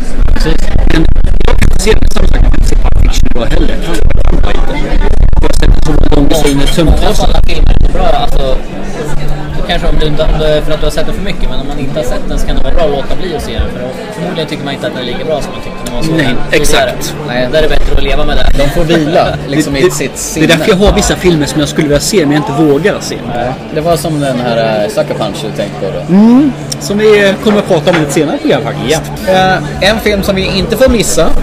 Det är ju faktiskt en man som tog en gammal tv-serie om ett gäng agenter till en eh, nystart och snart inne på film nummer fem. Där det faktiskt finns två tv-serier. En Ja. gammal och ny. Ja, och jag tänker på Mission Impossible. Där vi har Tom Cruise. Förra året så körde vi ju eh, 80-talsfilm och eh, Johnny Depp. Jag tror i det här programmet så har vi mer att prata om denna skådespelare. Johnny Depp är ju en eh, helt fantastisk skådespelare också. Ja, fast Tom Cruise, han är väl ännu mer galnare och mera, han går verkligen in för det han gör i sina roller. Ja, han är ju någon av få skådespelare faktiskt som gör sina egna stunts själv till exempel. Och kort är han dessutom. 1,70. Har du koll på hur lång Tom Cruise är? 1,70. Är det någon perversion då? 1,70. Men det är inte så kort, den är 70. Det är jättekort. Ja, om du jämför det mot eh, andra... Ben Affleck till Alltså, exempel. Jag är ju bara 1,70. 2,10. Jag är bara 1,70. Då är du kort. känner mig inte- känner mig inte kort. Men du är inte skådespelare alltså? Nej, okej. Tom Cruise har ju gjort någonting som inte några andra, eller som få har gjort annat. Det är- har gjort den här blockbuster fått dem att leverera väldigt mycket pengar. Till exempel har han gjort är fem stycken filmer på raken Som har levererat över 100 miljoner dollar i vinst. 100 miljoner dollar? Ja, han tangerade reklam... Va? Vilket då? Ja. Mission Impossible kanske? Mission Impossible är en. Ja, vilken av dem? Ettan. Ettan? Mm. Ja. Vilka är det mer? Kan det vara Föräldrafritt från eh, 83? Nej. Han gjorde fem i rad sa du eller? Ja, fem stycken i rad är det. Fem filmer i rad på samma år? Men fem i rad av filmerna han släppte. Okej, jag kan ju gissa att det var... Ska jag berätta det? Ja. Heder och samvete är en. Ja. The Firm är en. Vampyrs bekännelse faktiskt. Och Impossible och Jerry Maguire. Jaha. Show me the money! Show the money! Ja, och han tangerade där av rekordet, eller så här, rekordet var faktiskt, och det är Tom Hanks som hade fem i rad innan. Som jag dock inte kan vilka filmer det är. Det var säkert Big och eh, Forrest Gump. Men det finns faktiskt en skådespelare som har gjort fler filmer, som åtta stycken filmer i rad. Som han alltså, har genererat 100 miljoner dollar eller mer. Brad Pitt. Jag tänkte så här, vi kan gissa vilken och du hade fel. Jaha. Matthew McConaughey. Vi har pratat om honom tidigare i podcasten idag. Var det? Ja, vi har pratat Och många. nu hatade honom i den filmen. Ja! Det, det, det är ju Conor McLeod i Highlander. Fel. Will Smith. Alltså. Han hade åtta filmer i rad han som genererat över 100 Men in Black miljoner 1, 2 dollar. och 3? Jag vet inte vilka. Nej, det gjorde de i och för sig. 1, 2, 3 låter i rad. Independence Day. Hade du sagt 1, 3, 2 så hade det varit inte i rad. Nej. Men eh, vi fokuserar på Tom Cruise tycker jag. Mm. Han började sin karriär någonstans i början av, eh, slutet av 79. Han gjorde några obskyra roller. Men hans genombrott var i filmen Outsiders. Som han eh, fick slåss med C. Thomas Howell från Liftaren. Patrick Swayze, du vet. Mm. Och eh, Matthew Broderick från War Games bland annat. Ja. Och Rob Love som var på uppgång. Så gjorde han en liten succé i den här filmen Föräldrafritt. Har ni sett den? Ja. Klassiska scenen när han kommer in bara i kallingar och skjorta inglidande på golvet till någon låt. I luftgitarr. Ja, precis. För det är väl den filmen, hans föräldrar åker iväg på semester, han drar hem och gör fest utav bara helvete och sen eh, är det någon sån här värdefullt ägg som hans mamma, någon sån här dekorationsägg som blir en liten spricka i som blir, nej, egentligen blir hela hemmet stulet. I slutet, eller en del av filmen där. Ja, han köper tillbaka. hemmet och Ja, han kör någon Porsche ner i någon eh, å, pappas 911 Porsche. där. Och sen ligger han med en prostituerad som spelar för Rebecca De Mornay som sedan gjorde Hannes och Lunga Vaggan. Ja. Att gå åt helvete och ordna sig till sist. Han ställer allting till rätta i alla fall. Genom att ha ett horhus. Ja. Men var han, var han känd genom de här filmerna eller är det lite efteråt när han faktiskt blev känd? Ja, det, jag tror när liksom de filmerna har liksom eh, fått uppmärksamhet efteråt. Ja, för det känns inte som att man uppmärksammar den här filmen när den kom. För jag kan tänka mig de flesta har väl inte introducerat sig Tom Cruise med Top Gun. Ja. Det är väl de flesta känner igen honom därigenom. Ja. Men jag såg faktiskt den här filmen före Top Gun. Ja, det gjorde faktiskt jag också. Och dessutom, jag hade ju en crush på... Top Gun. Tom Cruise. Nej, Tom nej, Cruise. nej, nej, nej. Lea Thompson. Mamma som spelar eh, mamma till Martin McFly i Tillbaka till framtiden. Eh, hon var med i en film som heter All the right moves, eller Ta chansen på svenska, från 83, samma år som eh, eh, Föräldrafritt. Härlig översättning. Ja, Ta chansen. Det var ju på den tiden de översatte alla till alla möjliga konstiga Och censurerade allting. Eh, Och jag såg det enbart för att jag visste att det var en naken scen mellan Lea Thompson och Tom Cruise. Och det var inte Tom Cruise drule jag ville se. Pervert! Ja. Sen gjorde han eh, eh, Legenden. Eh, en sån här sci-fi med massa eh, enhörningar och skit. Har du sett den? Nej, jag vet bara han gjort den, men jag har inte sett den. Ja, och eh, någon, någon sån här djävul med horn och grejer.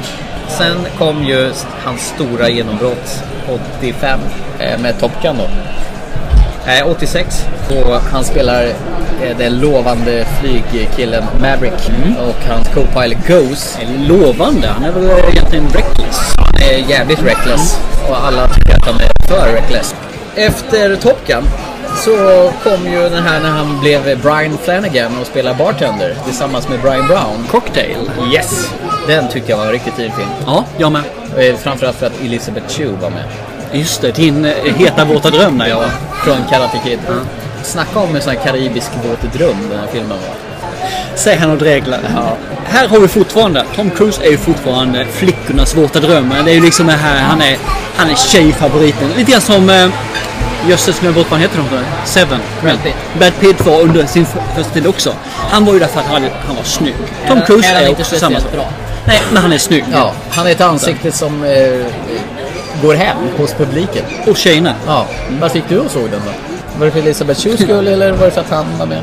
Eh, att, absolut för Tom Cruise. Ja, okej. Nej, det var för handlingen och den stora skådespeleriet. Okej. Och, Bullshit. och de kastar sprit i luften och jonglerar med spritflaskor. Jag såg faktiskt den filmen långt senare. Jag erkänna. Jag såg Okej. inte den när den kom ut. Fast jag den gillade Brian Brown också. Han gjorde den här FX Dödlig Illusion. Stämmer. Han Var det ettan, på- tvåan? Ja, han gjorde en massa såna här specialeffekter till filmer. Dödlig effekt heter den på svenska. Ja. FX, ja, Murder by Illusion. Ja, fast på svenska blir det FX dödlig effekt. För att fortsätta sen... innan vi går vidare förresten. Jag måste bara, så alla förstår varifrån Tom Cruise kommer ifrån. Så kan man ju säga så här. så Hans pappa är ju faktiskt, vad nu är, han är en fjärdedels irländare. Han är en fjärdedels engelsman och han är en halv tysk. Hur fan går det? Ja, det är rätt intressant va? Hans mamma är, hon är också en halv tysk och en halv irländare. Vad gör det då? Vad blir Tom Cruise då? En salig blandning. Nej, han blir ju såklart amerikan. Jaha, okej. Så du vet alla var Tom Cruise kommer ifrån. Han, kom, han är en salig blandning och därav så är han en tvättäkta amerikanisk mot den här resan som alla vill göra. Från Ja. ingenting till allting. Sen flux vill han göra någonting mer dramatiskt. Så han teamar upp med eh, eh, Dustin Hoffman 1988 och gör Rain Man. Som dock inte översattes till Regnmannen, vilket var jätteskönt. Nej, Ja, där eh, Dustin Hoffman är autistisk och har en jäkla förmåga att kunna räkna saker. Är det egentligen Tom Cruise som är känd för den filmen eller Dustin Hoffman? Jag tror både och. Jag tror det är Dustin Hoffman. Jag tror för han fick en Oscar för den va? Så, men- så menar Tom Cruise hamnade i, i kölvattnet? Ja, det tror jag faktiskt. Han var med och det är en fantastisk film. Att han går ifrån att vara den här söta killen till faktiskt en ganska otrevlig person. Ja, det är är han ju. Brorsan och så. Det är, det är inte så ofta de går sån tvärvändning från... Och lyckas få ihop det och ändå fortsätta karriären. För annars brukar det vara slutet på karriären när man gör de här vändningarna. Han blir god på slutet. rådet. Han blir ju god på slutet igen så att eh, han Ja, räddar ju situationen. jo, det är klart. Han, ja. Senare år efter så fortsätter han på samma tema och gör mer drama. Eh, Born of the 4th of July. Eller Född den Mm. 4 juli. Oliver Stones eh, efterkrigsdrama.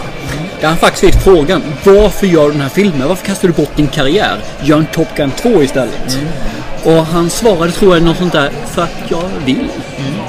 Det, han, han, det är faktiskt som genomgår alltihopa. Han gör någonting så gör han kastar han sig 100% rakt in i sakerna för att genomföra det. Det är väl grejen med, det är väl grejen med Tom Cruise. Han är väl en av de få skådespelare som verkligen ger 100% av sig själv till alla filmer han gör. Han kastar hull och hår, det gör han alltså. Och sen får man säga vad man tycker om han är, när han är med i Scientologerna, han gör utspel på Oprah Winfrey och de här sakerna. Hoppar i soffan. kind of feeling before. Right. No? Obviously not. I, I, I honestly, I haven't. And I'm Really? not gonna, I'm not gonna pretend. I can see you're not. You know Katie once told 17 magazine? Yes!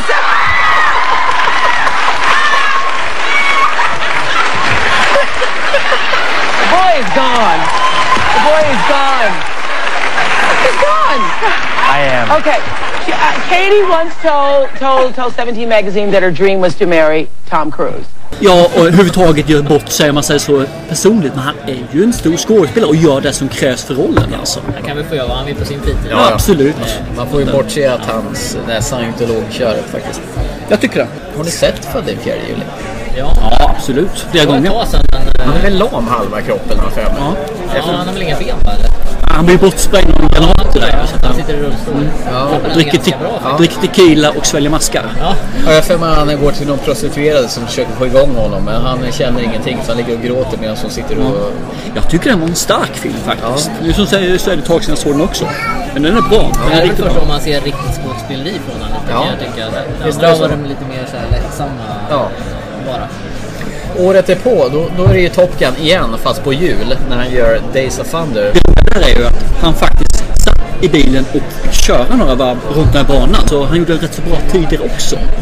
Så att eh, han, eh, han gör de här sakerna som eh, han gör i filmen. Jo, ja, men återigen så har jag ju refererat till den här och filmen Rush som jag först var tvungen att slakta och sen sedermera tänka om efter jag såg om den och insåg att jag hade nog inte sett hela filmen för jag hade somnat. Och då går vi tillbaka till det här med att Thomas har alltid rätt. Ja, Thomas har alltid rätt. Men då jag konstaterat att de återvinner samma musikstycken i samma typer av filmer. Så när han gasar runt på Daytona och filmen Rush och så kör de den här låten Gimme Some Lovin' återigen. Samma sak.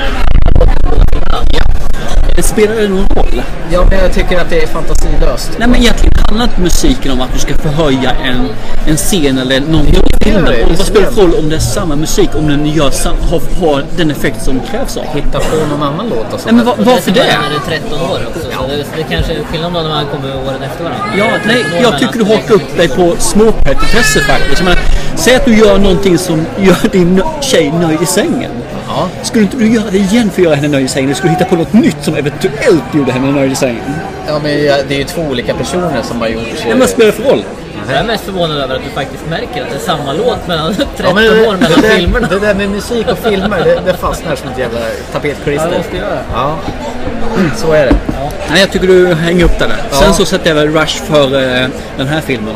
Fast den är rätt underhållande också. Det är väl det här han träffar sin blivande fru, Nicole Kidman. Det är väl lite egentligen samma sak med den här Rush. För han har ju någon sån här motståndare där också som han håller på att tävla Ja, visst är det. Skit i det. Året efter, nej två år efter så gör han eh, Drömmarnas horisont. Med just sin blivande fru Nicole Kidman. När de spelar en sån Alltså, här... någon westernaktigt. Ja, en eh, 1800-tals utvandrare kör. Den var väl sådär. Jag kommer ihåg att eh, Enya gjorde låten till slut. Scenerna. Återigen kommer jag ihåg vilken låt det är. Stört som fan. Japp. Så den, den, den lämnar inga större spår. Men eh, året efter eh, så kommer ju, eller samma år till och med, så kommer På heder och samvete, eller A Few Good Men som de dessutom gjorde en tv-serie på. Där Tom Cruise spelade med Demi Moore, som är, han är väl någon sån här uh, militäradvokat, eller vad är han? Åklagare va? Åklagare ja. Så de ska försöka ge sig på en höjdare för de har varit elaka mot en eh, person på Guantanamo. You want the truth? Ja, you, can't, handle the truth. Är Jack Nicholson, det största militärsvinet i filmhistorien. Och han mörk, eh, vill mörklägga en misshandel av en... eh, Det är någon sån här initieringsrit va? Ja, Som- precis. som Som ja. Ja, Marines. exakt. Och Tom Cruise gör allting för att eh, sanningen ska komma fram. Men Jack Nicholson tycker att han kan fan inte hantera sanningen. Nej, jag vet inte. Det är, det är väl också det. Där är, han- åker han lite bananskal tycker jag på de andra skådespelarna. Framförallt Jack Nicholson. Ja. Det är väl han som bär upp den filmen. Han passar ju som hand i handske. Sen vet jag inte om han är dålig Tom Cruise direkt. Det är knappast hans förtjänst att det blir succé. Det tror jag inte. Inte Demi Moore heller kanske. Ja men överhuvudtaget om man, om man summerar de här filmerna som varit hittills och kanske några som är i framtiden också. Så har han ju lyckats att välja rätt film att kliva in i. För filmen är så pass bra så att den håller sig själv. Det- Han behöver inte lyfta upp den och kanske inte ens ha kunnat göra det om det skulle varit en dålig film. Han är inte som vissa andra skådespelare som kan dra upp en film från dyngan och göra den medioker och en medioker film till en helt guldpärla. Är han så stor numera som vi tror att han får manus skickat till sig och får välja och vraka? Ja då, Ja, det det får han. Absolut. För folk vet om att det han gör genererar pengar och blir lysande just pengamässigt. Ja, jag visst. tror faktiskt, nu kan det gå lite händelser i förväg, men jag tror aldrig han har varit så bra som han är just nu. Jag tror han är på toppen av sin karriär just nu faktiskt. Jag tror han har rätt många år till framför sig. Men han, är, han har aldrig varit så bra som han är nu. Nej, jag håller med. Faktiskt. Han har distansen nu som han inte hade innan. Ja. Sen eh, gick jag väl på en sån här John Grisham-filmatisering, eh, Firman, eller The Firm, som också genererar en tv-serie. Där han börjar jobba på, också på en advokatfirma. Där han har massvis med förmåner och eh, familj, hans familj tas hand om med öppna armar. Sen visar sig att det inte riktigt är rent mjöl i påsen i bakgrunden där. Har du några minnen från den? Den är i töcken för mig. måste Jag Jag har sett den men kommer inte ihåg så mycket av den. Den är diffus. Okej. Jag tyckte den var ganska bra när jag såg den. Jag har inte sett den sen, ja, sen typ den kom, men jag har för mig att jag kom ihåg den som rätt bra Ja, ändå. i och med att den genererar dessutom en tv-serie. Ja. Som kanske inte blir så långvarig. Det betyder inte att den är bra. Det betyder bara att den genererar pengar. Ja, men det är inte samma sak. Nej, det är ju inte det. Sen eh, blev det vampyrspåret där tillsammans med Brad Pitt då. Ja. Eh, i, en vampyrs bekännelse. Eller Interview with a Vampire som den heter på original. Har ni läst boken? Ja, jag har läst boken Anne Rice. Vad tycker ni om den? Jag har inte läst boken själv. Den är svinigt bra faktiskt. Och det finns väl en fyra, fem böcker. Ja, jag tror hon är uppe i ännu fler nu faktiskt. Är det så? Hon har skrivit några, hon tror hon håller på med dem ganska nyligen faktiskt. Hon, är, hon kör vidare också. Ja, eller åtminstone att det är om samma vampyrer. Lestat och eh, Ja, Louis. jag tror det. Jag har läst de tre första tror jag. Ja. Har jag gjort. För att de var ganska tunglästa. De var ganska bra, men de var tunglästa. Ja, mycket Nej. detaljer. Ja, det var inget sånt där man bara satt och slöläste. De var hyfsat fokuserade. Vi kan ju ta det här just med vampyrer. Vi har ju varit väldigt negativa vampyrer, hur de ser ut nu. De här glittrande solskensvampyrerna. De är väldigt glittrande också. Ja, och sen så har vi ju då gått in på de här i Byzantium. Ja, som här det. tumnageln istället då, Just som är annorlunda. Men det kommer alltså en klassisk vampyr nu. Som är huggtänder och sånt. Som är Dracula Untold. Som kommer komma under i oktober i år faktiskt. Ja, just det. Nu går vi tillbaka till forntiden men tillbaka ursprunget. Nu tror jag tyvärr att det kommer bli en lite mer Hollywood- Hollywoodematiserad film än vad det egentligen skulle kunna vara. Men det är i alla fall tillbaka. Dracula, vi har, jag tror han kommer färdigställas lite grann på annat sätt. Det kommer vara mer med personen. Untold, är det vägen till han blir? eh, Det är vägen till han blir och sen så efteråt också tror jag. Men det är liksom från en annan synvinkel. Är från hans synvinkel istället för att han är den här mördarvampyren. Utan varför blev han det? Eh, vad är anledningen och vad hände under vägen dit? Att han, för jag tror inte han blev va- vampyr över en dag så här. Utan det är någonting som skedde. Och det tror jag är det de vill förmedla i den här filmen. I Dracula Untold Oktober då. Ja, Om vi backar tillbaka till en vampyrs bekännelse så har de ju väldigt stora namn. Du har ju Christian Slater som intervjuar Brad Pitt. Och du har ju Tom Cruise som spelar vampyr Lestat. Och sen har jag Kirsten Dunst i en av Just hennes det. första roller. Ja, som är den här lilla vampyren som blir vampyr i tidig ålder. Så hon hatar ju verkligen Lestat. För, eller Louis som gör hennes vampyr. Ja, jag kommer inte ihåg vem det är, men det Ja. måste vara Ja. Sen har du ju- jobbigt att bli vampyr vid sex års ålder. Och aldrig åldras ja. Sen har du ju Antonia Banderas med på en roll också. Som någon slags eh, överste vampyr. Så den var ju riktigt smarrig, kommer jag ihåg. Den, eh, jag fick så här riktiga associationer till den som sagt den Byzantium som vi såg och har recenserat i en tidigare podcast. Thomas Hermos är inte med mig här överhuvudtaget. Oh ja. Ser ut som han Jag är med fortfarande. har ölkoma här. Jag sitter bara här och funderar på att... Fun, glömde du inte någon? Det, för Brad Pitt är också med. Jag sa Brad Pitt, han spelar Lestat. Sa du det? Ja, ja. Jaha, tyckte du var så Tom Cruise och hoppade vidare sen över Tom Pitt? Eh, Brad Pitt, så, Tom Brad, Pitt. Brad Pitt har väl egentligen huvudrollen och spelar Louis. Han som blir intervjuad av eh, Christian Slater. Ja, huvudrollen vill jag inte säga att han har, men... eh, Det är han som, hans historia som berättas i alla fall. Om vi kutar vidare från 94 till 96 så gör Tom Cruise här då initialt den första Mission Impossible-filmen då, där han spelar Ethan Hunt. Och det, det som är anmärkningsvärt med den här filmen det är att hela hans grupp blir upplöst på en gång. Det är eh, John Voight som är själva ledaren för gruppen, en förrädare. Det är väl här vi kan säga att det är inte första gången som Brad Pitt, eller Brad Pitt säger, Tom Cruise lyckas med att få till en, eh, en sequel. Man säger att han får till en, en filmatisering som blir en sequel som går vidare. Ja. Vilket är faktiskt en av hans stora saker som gör att han lyckas få till många sådana här saker som att det blir en uppföljare på en uppföljare på en uppföljare. För de har aldrig gjort en uppföljare i det här läget? Eller en eh, filmserie utan det är väl... eh, Det är första gången han gör så att det, det blir den. Mission 1, 2, 3, 4 nu den femte då. Jag, gillar, jag måste säga att jag gillar de Mission Impossible-filmerna. Jag tycker de är bra. De följer serien väldigt lysande också tycker jag faktiskt. De lyckas få till det. Ja. De lyckas med någonting i Mission Impossible som A-Team-filmen inte lyckas med. De för över serien i filmen och ändå gör det på något eget. Ja. För varje film är ju egen på sitt sätt. Ja. Han en olika stil för varje film också. Samma år gjorde han Jerry Maguire. Den här, vad är han där egentligen? Han är en coach. Han tar väl någon eh, avdankad basketspelare eller någonting. Ja. Och eh, ska göra honom till storstjärna. Show me the money! Cuba Gooding Jr tror jag. Lite annorlunda film faktiskt. Ja. Annorlunda... Och sen är hon, vad heter hon, hon eh, Bridget Jones som är hans kärleksintresse där. Därefter så gjorde han ju filmen med sin fru innan de skildes åt. eh, Eyes Wide Shut var ju sista filmen som eh, Stanley Kubrick gjorde innan han dog. Jättekonstig film. Ja, den är bara konstig Ja. och känns... Jag har faktiskt inte sett den så jag kan inte Hon drömmer att hon är otrogen och han verkställer sin otrohet på riktigt. Och åker till en jävla herrgård där de har maskerade och, Ja. och har orgiesar.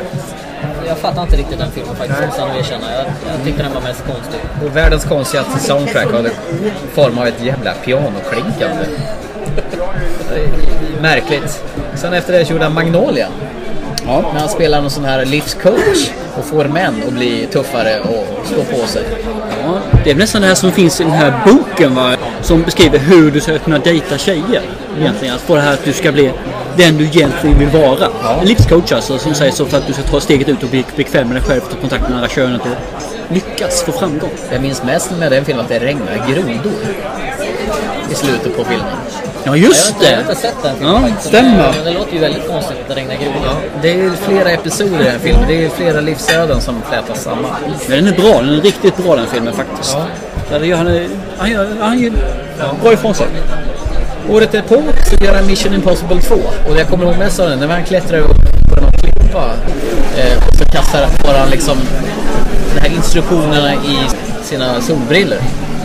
Som han kastar sen och själv exploderar. Han hänger under någon klippa. Ja, precis. Verkligen briljerar. Det roliga är att han verkligen klättrar. Det är inte trickfilmat utan det är en verklig klättringsmanöver han gör. Ja, precis. Han, är ju, han, han klättrar väl. Han åker motorcykel, vilket han gör också i den här filmen. Ja. Och han klättrar väldigt mycket. Det är det han brinner för i stort sett. Och det är rätt kul när han gör saker som faktiskt inte är trickfilmer och inte stuntmän. Han gör det själv. Det vill lägga på sig kilo och banta ner sig, bli magra, vad det är för någonting. Men han gör sin egen stunt lever in sig i rollen på det viset. Fast här blir actionscenerna lite för överdrivna mot slutet när han slåss mot sin eh, skurk där. De kör motorcyklar på och klappar på varandra vid någon strand. Är det där han kör två motorcyklar mot varandra och tvärnitar och flyger av varandra? Det var ju den här japanska regissören John Woo som eh, tog eh, sin första, jag vet inte om det var första eller andra eh, Hollywoodproduktion. Men det blir lite väl extremt och långdragna actionscener. faktiskt. Vanilla Sky sen, som han spelar mot sin motspelska Penelope Cruz. Som också blir hans fru.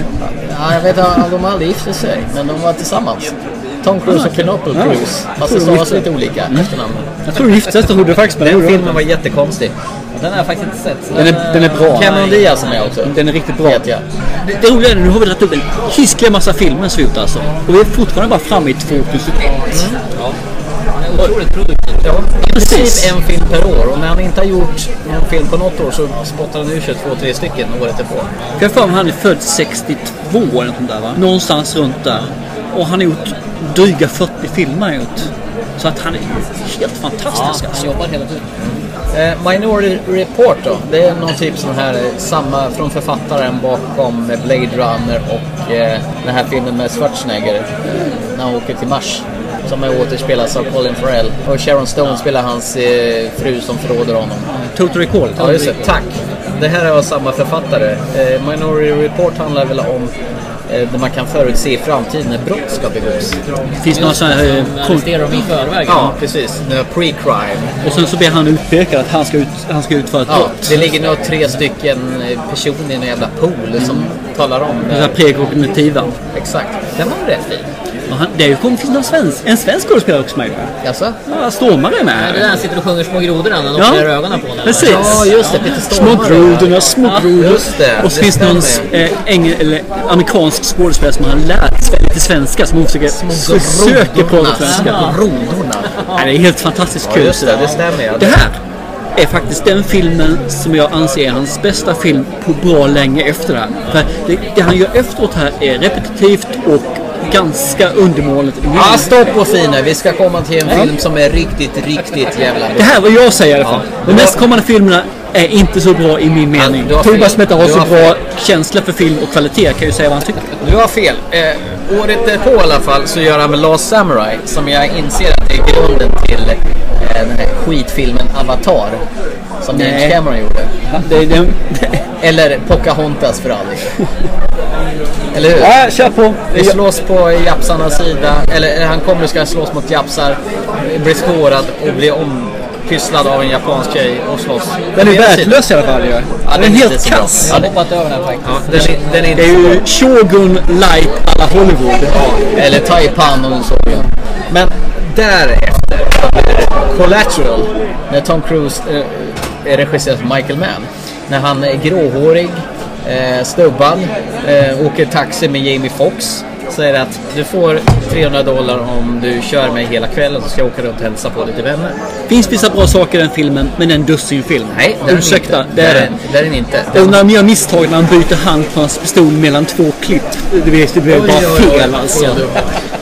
Grejen med den filmen är att den har känslan från Miami Vice, det här nattlivet. Han åker runt och skjuter folk på löpande band och sitter på en jazzpub med en sån legendar i jazzvärlden. Han avrättar honom på plats. Det är en... eh, Men jag förstår inte hur du kan tycka en film är bra bara för en person blir gråhårig och skjuter folk. Och lyssnar på jazz. och lyssnar på jazz, ja. Nej, men, kom igen! Det gör ingen film. Jag anser att det är Tom Cruise bästa film. Jag har, inte, jag har faktiskt inte sett den. Nej, så att jag får Och gör det inte heller för inte det. Gör det. Den, den är medioker som bäst. Den är inte medioker, den är fruktansvärt bra. Förutom slutet då. Då fallerar det. Slutet, mitten och början. Jag håller med. Nej. Det här är, Resten av filmen är bra faktiskt. det här, är- det här är Tom Cruise bästa film. Jag tycker den håller... Den är bättre än Världens krig som kommer efteråt. Nej, ja precis. Den, jag fattar inte varför gör man en ny inspelning på Världarnas krig. Därför att det är en storslagen eh, film, eller teatergrej man Alltså, säger. effekten är väl rätt bra i den. Ja. Det är ju en storslagen film så. Visuellt. Men han känns rätt tråkig tycker jag. Förutsägbar. Så det blir ingen bra film så. Men, men eh, jag är inte förvånad att de gjorde den. Sen kom, gjorde han ju Mission Impossible 3 med Seymour Philip Hoffman i huvudrollen som numera är död. Han spelar ju en fantastiskt bra skurk. En sån här lagom slemmig, äcklig, vidrig äckelpäckeskurk. Och här kommer ju tillbaka till det här när de håller på med masker och grejer. De Ja, här, just det. Från tv-serien. ja, de här klassiska maskerna. Men det gör han i ettan också väl? Ja, inte i någonting direkt Det tvåan. kan, det kan, och det gör han visst det. Man gör det i alla Mission Impossible-filmer, gör han masker. Eller de gör i alla fall. det hör ju lite till hör- Mission Impossible-grejen faktiskt. Det är lika vi- väsentligt som att den här ska förstöras inom fem Och de sekunder. har en Ja. väldigt skön flyghelikopterscen i början. De flyger mellan stora såna här vindkraftverk. Då Kerry Russell från Dark Skies är med i en liten biroll där. Jag anser fortfarande att det här är, det, det är en action, men det är inte mer än action. Jag tycker inte... Det, det är liksom inget man minns på det viset. Alltså, jag, jag minns boven som är skurken där. Det, det är kul. Jag minns lite grann andra saker som hänt också i filmen. Det här med varför de missionet lite grann. Men filmen är töcken Finns det mig. Shaun of the Dead-skådisen var med där? Är det han som sitter i bilen eller? Han är ju- följer ju med Tom Cruise och de håller på, äh, håller på och klättrar och har en massa såna här äh, väldigt mycket Apple-produkter. De har en iPad och en väldigt massa iPhones. Nej, jag tycker fortfarande det är inte den bästa Mission Impossible-filmen. Det är inte. Tropic Thunder då, 2008, när Tom Cruise har fatsuit på sig. Där gör han sin bästa roll någonsin. Älskar den rollen. Du gör det? Han spelar någon jävla dryg Han står och dansar. Les Grossman. Ja. Filmen, alltså filmen så får jag ju kanske inget film. Det är lite underhållande så. Men inget speciellt. Robert Downey Jr spelar ju svart i den va? Ja, precis. Han går in i rollen. Alltså. Han målar sig svart för den. Men filmen som sådan är väl kanske sådär. Tom Cruise-roll. Bästa, roll, bästa rollen han har gjort. Jag älskar Nej, jag är nog ensam motståndare där måste jag säga. Men jag tycker inte om filmen överhuvudtaget. Därför kan jag inte tycka om hans roll Men heller. kolla bara på hans roll där. när Ja, det står ska vara det. Den är jätterolig. Han gör någon sån extra nummer i eftertexten också. Valkyrie från 2008, han ska döda Hitler. Jag har inte sett den heller så jag ska lägga in min brasklapp om att det han gjorde nästkommande filmer var dåliga. Så jag har inte sett Valkyrie. Nej. Night and Day då, med den underbara Cameron Diaz. Här kommer vi in till en film som faktiskt är ganska underhållande. Den är bra, det är en dussinfilm fortfarande med en actionkomedi. Den som lyfter filmen är ju Tom Cruise, det är ju Cameron Diaz. Men det är för att du är sucker på Cameron Diaz. Som jag Absolut! minns det så är den otroligt överdriven. Ja, det är den också. Alltså, mer än... är mer det än meningen? Men jag har svårt, jag kan inte se en enda film där jag ser hennes charmiga leende och säga att det är en dålig film alltså. det är ett problem i sig. Jag är en sucker, absolut. Och jag, jag står för det. Hade Cameron Diaz kommit upp sagt att du och jag är en kväll om du dödar Hans-Åke. Så hade jag inte tvekat en sekund alltså. Hemskt det händer för det eller? Oj, oj, oj. Nej, egentligen inte. Men, nej, men det, det, nej, hon är nog den, snyggaste skådespelaren idag alltså. Nu minner jag slut igen och vi är inte ens halvvägs. Vad har hänt? Inte lika effektiv som du är. Mission Impossible 4 Ghost Protocol då, när han klättrar på Dubais högsta byggnad. Det var återigen en svensk skådespelare. Ja, Mikael Nyqvist. Yes. De slåss i något parkeringsgarage slutet. Det far bilar till kors och. Den är helt okej. Är Det är nog en av de bättre Mission Impossible-filmerna. Ettan och den här skulle jag nog kunna säga är... Det är någon ordentlig sandstorm som tar fart i den filmen också. Det lovar gott för kommande faktiskt att de kan vara bra även uppföljarna. Rock of Ages då, när musikalfilmen där Tom Cruise visar att han också kan sjunga. Det intressanta är att han fick faktiskt frågan där. Kan du ta en ton? Och han säger Det får vi snart veta. Antingen faller det här pladask eller så går det bra. Så att, jag tycker om hans, hans eh, självförtroende. Att, "Aj, shoot, jag testar väl i alla fall. Men den har jag faktiskt inte sett. In, Den, jag har eh, sett den, men jag är lite svårt för musikalfilmer. Det blir så jävla överdrivet. Jag har inte sett den heller ska jag erkänna. Så jag har bara läst lite grann om den. Sen gjorde han ju faktiskt en eh, start på en franchise som tanken är att det finns ju en sju helskottas massa böcker. Så nummer två kommer ju 2015 men första i alla fall heter Jack Reacher rätt och slätt. Öppnade med ett ganska brutalt mord där de skjuter ner en fem personer på öppen gata någonstans i, i New York. Som folket har ingenting med varandra att göra till att börja med. Och så skickar de in Jack Reacher som är mannen utan identitet. Som rör på sig som en riktig vagabond. han är. Ett, spöke. Ja. Men 2015 säger du? Senast jag hört det bara att den är announced. Nej, men den ska komma 2015. Okej, kul. kul. Nu börjar vi närma oss slutet på hans karriär. Eller hittills. Så långt som det har gått. Så sen var ju Oblivion. Eller Oblivation. Ja, det beror på hur man ser det. Mannen med Nintendo, Super Nintendo 8-bitars systemsvapnet. Det är egentligen här som jag ser att de, de två filmerna som han tar lite, man säger tar ett kliv åt sidan och kan egentligen göra lite spel av sig själv. Även ja, som då Age of Tomorrow som är den senaste filmen som vi avhandlade i förra avsnittet. Där han faktiskt kan vara lite avslappnad och av sig själv. När han dör och skriker som en tjej. Ja men även här så är det lite grann det här han, han kan leka med sig själv. Han, han kan ta avstånd från det här med att han ska vara den coola snubben. Han kan vara rätt så normal om man säger. Ja, men man kanske blir så efter man har gjort film i massa år så här som han har gjort. Ja, men ta som Clooney, samma sak där. Han var ju flickfavorit. Han behövde också ha den där. Och idag är han ju enligt mig en av de bästa skådespelarna som finns där ute. Men Tom Brad Cruise Pitt samma sak. En flickfavorit. Ja, det tror han är.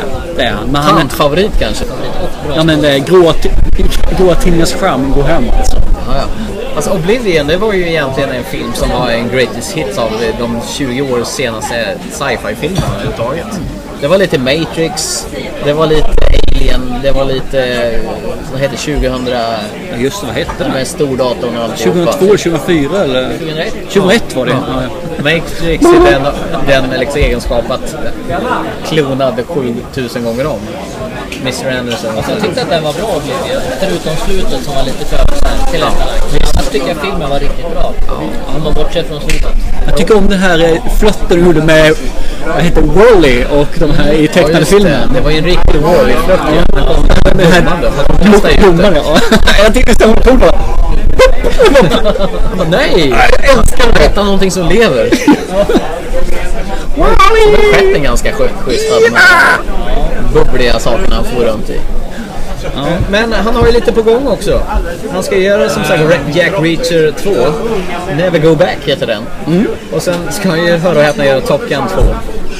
Som eh, Maverick en gång till. Och så Mission Impossible 5 då. Ja, 2005. Men det intressanta är ju som sagt var att han har tre filmer. Och tittar man på andra skådespelare i hans kaliber så brukar de ha en 8, 10, 12, 15 stycken filmer som ligger i att komma skall eller... Men han har bara tre. Två bra och en som kommer bli katastrof. Top Gun 2 kan aldrig bli bra. Nej, varför ska han göra det? för? Men det är vågat. får ju helvetes mycket pengar för att göra en så. Det är synd alltså. Det, det kan inte bli bra. Nej. De andra två tror jag på, men eh, Top Gun 2 det kommer bli 2015 eller när det kommer. En årsflopp. Men vilken är den bästa Tom Cruise-filmen? Överhuvudtaget- Nej, men jag har ju sagt vilken det är. Ja, säg det igen då. Det är Collateral, men du fattar ju inte på det den. Du kanske ska se Ja, men, den precis som jag, gjorde jag vill ju säga vilken den bästa filmen är och inte skoja eller ljuga. Nej, men då, då, då är det legenden då. Nej, Cocktail. Varför Elisabeth är med. Han får hångla med i ett vattenfall. Ja, Jag säger nog Mission Impossible 4. Dubai-klättringen. Ja, jag tror det. Ja. Men om man ser på till film, bästa rollen är definitivt den i Tropic Thunder. Jag anser inte, jag anser inte att det är en Tom Cruise-film eftersom man bara är med Det är en liten, en biroll. det är, Men- en- det är ju en liten pluttroll. Jag inte att det är en Tom Cruise-film. Annars skulle den vinna helt klart. Det är hans absolut bästa roll. Look, Foxstick, I'm incredibly busy, so why don't you get the hell out of here before I snap your dick off and jam it into your ass? No, not you, Helen. But I will rip your tits off if you don't get me those theaters. Lysande. Det är bara att konstatera. Se den. Själv då? Nej, jag håller mig borta från det där. Håller borta från Ja. Tom Cruise? Nej, jag säger ingenting. Nu har du sagt två stycken, jag behöver inte säga någonting. Ja, vad är det här? Magnolia är min. Magnolia? När han är livscoach? Respect the cock. And tame the cunt. Tame it! Take it on head first with the skills that I will teach you at work and say, No! You will not control me. No! You will not take my soul. No! You will not win this game. Because it is a game, guys. You want to think it's not, huh? You want to think it's not, you go back to the schoolyard and you have that crush on big titted Mary Jane.